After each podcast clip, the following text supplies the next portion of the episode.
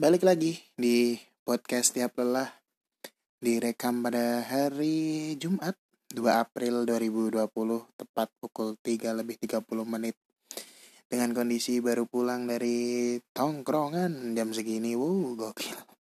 Barusan itu sebenarnya cuman nongkrong untuk ya tadi tuh bikin nulis materi lah untuk persiapan bulan depan ada show stand up saya naik jam gitu kan. Terus nulis bentar doang karena emang udah ada bayangan menulis apa gitu. Dan uniknya tuh akhir-akhir ini nulis bukan karena lagi pengen nulis tapi karena sebel ketika lihat story apa Instagram. Tiba-tiba ada cewek yang dulu saya pernah deketin dan dia pernah membuat janji. Mungkin kalau kalian pernah denger uh, cerita saya di podcast TAI gitu. Saya pernah cerita bahwa dulu waktu SMA kelas 1 pernah deket sama cewek terus tiba-tiba dia ngilang dia uh, apa ya ngilang tanpa ada tanpa alasan yang jelas. Terus tiba-tiba pas saya chat tiba-tiba dia bilangnya mau fokus ngejar kuliah nanti habis lulus SMA bisa balik lagi bisa bareng lagi eh ternyata dia malah bareng sama orang lain. Itu agak nyebelin sih. Nah tadi dan kebetulan setelah lulus dia kuliah di Solo. Dan akhir-akhir ini tuh dia sering banget upload story bareng pacarnya gitu. Jadi tadi sore itu nggak kepikiran untuk menulis apa ya menulis apa ya gitu. Tiba-tiba lihat Instagram ngeliat dia upload foto bareng pacarnya yang sekarang terus saya harus nulis nih hari ini. Sebel banget ya rasanya saya sebel banget rasanya kalau lihat ada orang yang harusnya sama kita gitu eh malah sama orang lain gitu fuck lah. Eh hari ini sebenarnya uh, tadi sempat ngobrol sama salah satu teman di Pekalongan kan punya ada beberapa salah satu teman tuh tadi ngobrol sampai jam segini. Baru cuma berdua doang tapi pembahasannya itu emang benar-benar saya istilahnya daging semua sih itu karena uh, apa ya bahas tentang panggung sebenarnya bahas tentang kesan uh, dunia panggung. Dunia panggung dan di balik panggungnya itu. Jadi saya jadi dapat banyak cerita tentang ternyata orang-orang yang di atas panggung kayak gini tuh di belakang panggungnya kayak gini ya. Ternyata orang-orang yang kita lihat kayak gini tuh ternyata di baliknya ceritanya ya lebih parah daripada kita lebih lebih apa istilahnya tuh lebih acur gitu. Karena kan saya punya punya apa ya kayak dulu tuh sempat ada terbentur terbentur terbentuk gitu. Kata-katanya siapa saya lupa gitu. Terus saya tuh mikir terbentur terbentur menurut saya itu terakhirnya bukan terbentuk tapi acur loh. Terbentur terbentur acur menurut saya. Nah tadi sempat bahas tentang eh, orang-orang uh, yang berada di dunia panggung ya khususnya panggung ya yang di atas panggung aja yang kita lihat gitu. Dan ada satu pembahasan yang menurut saya menarik nih kalau saya ceritakan di podcast tiap lelah. Jadi pembahasannya adalah attitude ketika kita di atas panggung. Tadi sempat ngobrol tentang uh, sebenarnya kuncinya kita manggung itu ada tiga. Yang pertama skill yang kedua knowledge yang ke eh, yang yang pertama skill yang kedua knowledge yang ketiga attitude dari manggung attitude-nya di panggung gitu terus saya tanya lebih penting mana daripada tiga ini? Yang jelas attitude. Terus knowledge dan skill itu mengimbangi. Karena kan attitude doang kalau nggak punya knowledge nggak punya skill kan sama aja. Dan punya knowledge punya skill kalau di atas panggung attitude-nya jelek kan malah makin makin jelek gitu kan saya jelek banget gitu kan attitude manggung ya. Kalau di seni bukan seni ya di, di, di sepengalaman saya di komunitas stand up comedy gitu. Attitude manggung tuh yang jelas kalau misalkan untuk first impression dalam arti yang pertama kali orang lihat ke kita sebagai seorang penampil adalah pakaian. Itu jelas. Pakaian yang bagaimana? Pakaian tuh sebenarnya sesimpel senyaman kita.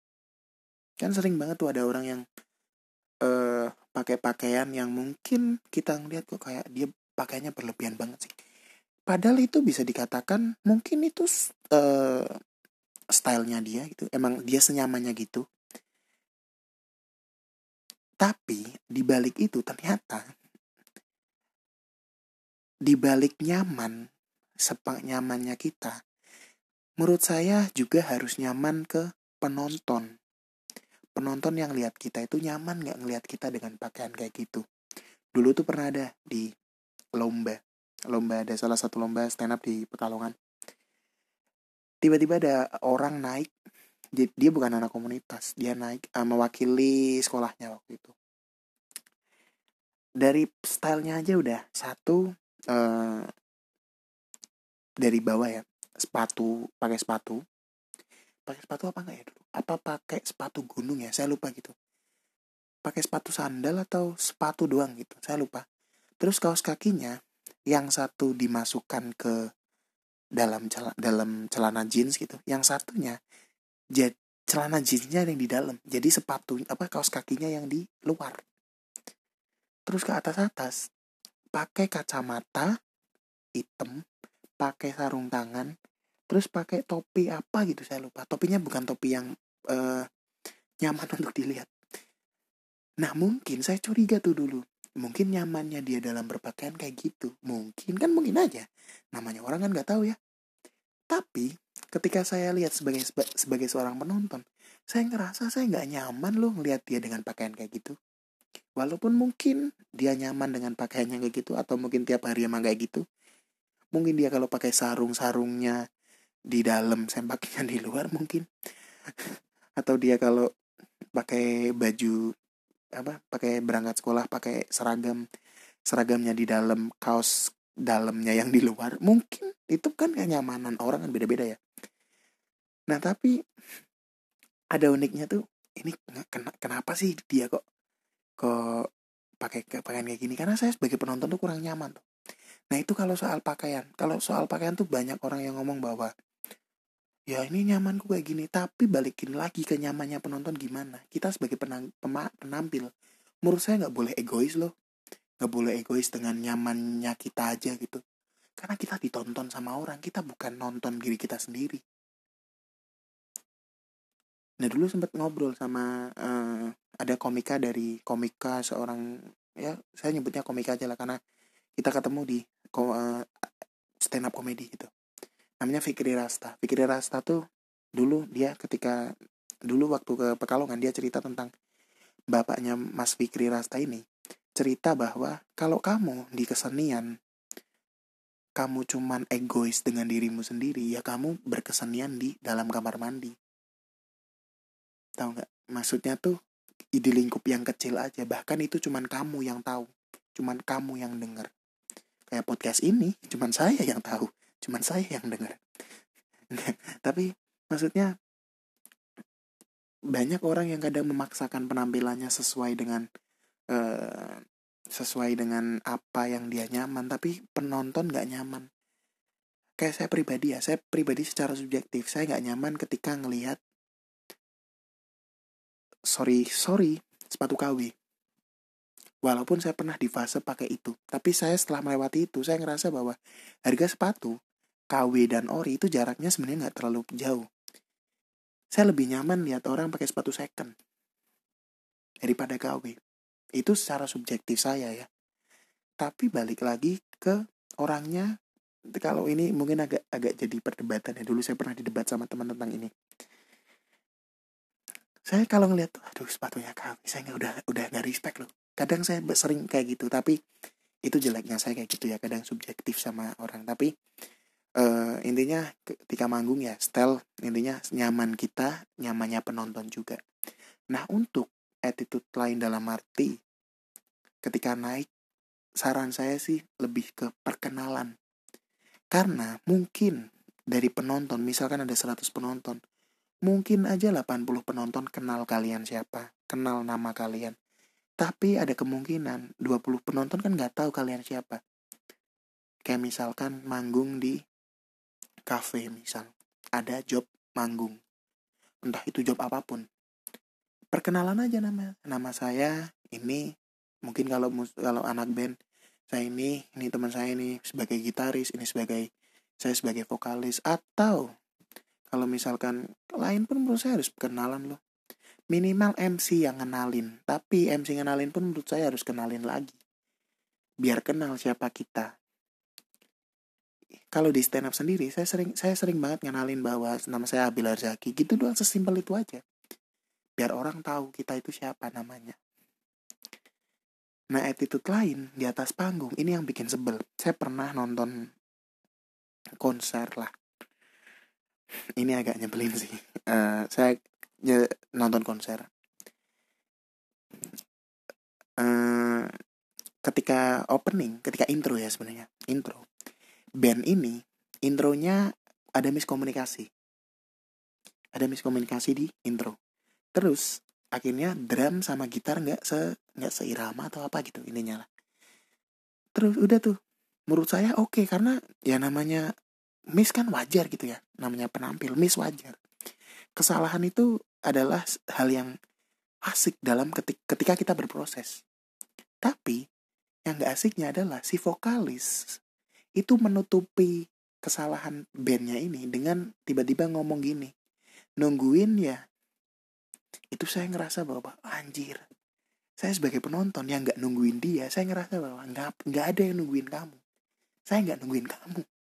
Saya nungguin gestar terus saya ngerasa bahwa ini ini bisa dibahas nih bisa masukin ke pembahasan uh, attitude manggung karena jangan menurut saya sih saya sebagai ya saya nggak tahu ya saya lupa mungkin saya pernah kayak gini atau gimana tapi saya sebagai penampil saya nggak saya berusaha untuk tidak sok tidak sok di atas panggung. Walaupun itu panggung kita. Saya berusaha untuk tetap rendah. Tak kecuali karena saya di komunitas stand up comedy ke, ke, ke, ketika saya sok saya berusaha sok tapi bercanda. Misal yang paling sering nih kalau open mic latihan. Latihan tuh kan namanya latihan kadang ada yang lucu ada yang nggak lucu. Nah kalau misalkan saya naik di awal-awal misal ada kom saya naik ke tiga nih. Terus komik pertama dan komik kedua tuh latihan nggak lucu. Terus saya naik ngomong gini nih untuk komik pertama dan komik kedua saya kasih tahu caranya stand up yang lucu. Ini sok. Tapi penonton responnya dengan ketawa. Karena saya dengan yang yang bercanda gitu Nah yang ini tuh saya nggak tahu konteksnya bercanda atau enggak Tapi kata-kata nungguin ya Menurut saya nggak etis loh. Maksudnya bukan nggak etis ya Menurut saya nggak asik aja ketika kamu bilang nungguin ya Tapi di kondisi untuk menutupi kesalahan miskomunikasi ketika intro dari bandmu. Menurut saya nggak asiknya kayak gitu. Dan attitude lain ya mungkin di atas panggung. Mungkin kalau misalkan saya dari sudut pandang seorang oh seorang anak komunitas stand up komedi aja ya. Kalau saya misalkan di, di atas panggung itu saya berusaha untuk uh, interaksi pun sama penonton diusahakan tetap konteksnya adalah komedi. Yang susahnya di di komedi tuh kadang ada orang yang anggapnya serius tapi semuanya yang di panggung itu cuma komedi. Ngumpat ke penonton itu juga nyari nyari siapa penontonnya dulu. Siapa yang maksudnya ini penonton asing gak nih kalau kita kasih umpatan? Kita cerca dengan pertanyaan-pertanyaan itu asik gak nih dia? Nah kalau penontonnya nggak asik mending gak usah. Makanya saya tuh sering banget nyari-nyari siapa siapa nih penonton yang asik siapa penonton yang enggak gitu. Attitude lain apa ya? Ketika manggung menurut saya cuma sekedar itu sih. Atau mungkin ada hal lain yang mungkin uh, pendengar dari podcast ya teman-teman dari podcast tiap lelah tahu mungkin bisa share di Instagram saya atau Twitter saya di @abilarzaki dan mungkin itu aja sih yang bisa saya bahas hari ini. Dan seperti biasa udah kebanyakan dan nih. Uh, sebelum menutup podcast tiap lelah saya selalu memberi membacakan tweet-tweet yang uh, yang di-tweet oleh akun-akun dengan follower banyak di di Indonesia khususnya gitu. Uh, siapa ya? Nanti wah ini tuh ternyata saya browsing nanti kita cerita tentang hari ini tuh plesetannya banyak banget ya. Ada nanti kita misuh tentang hari ini ada nanti kita sambat tentang hari ini gitu. Uh, apa ya hari ini ya? Enaknya ya kita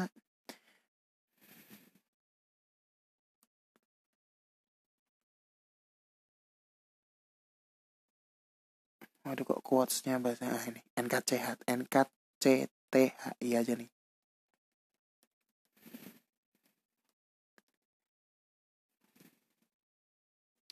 Wis, ini ada tweet yang di tweet pada tanggal 22 Maret tanggal 2021 jam 20 jam 16 lebih 15 tapi ini tweetnya bentuk foto bentuk picture ya bentuk foto bentuk gambar. Seni melepaskan yang pertama tahu kapan harus memilih diri sendiri yang kedua adalah berkorban sendirian ada batasnya oh, berkorban sendirian biasanya ada batasnya yang ketiga adalah sembuhkan dirimu dulu. Ini tweet dari at nkc PHI underscore quotes. Oke, sampai jumpa di podcast tiap lelah episode 4 April 2021.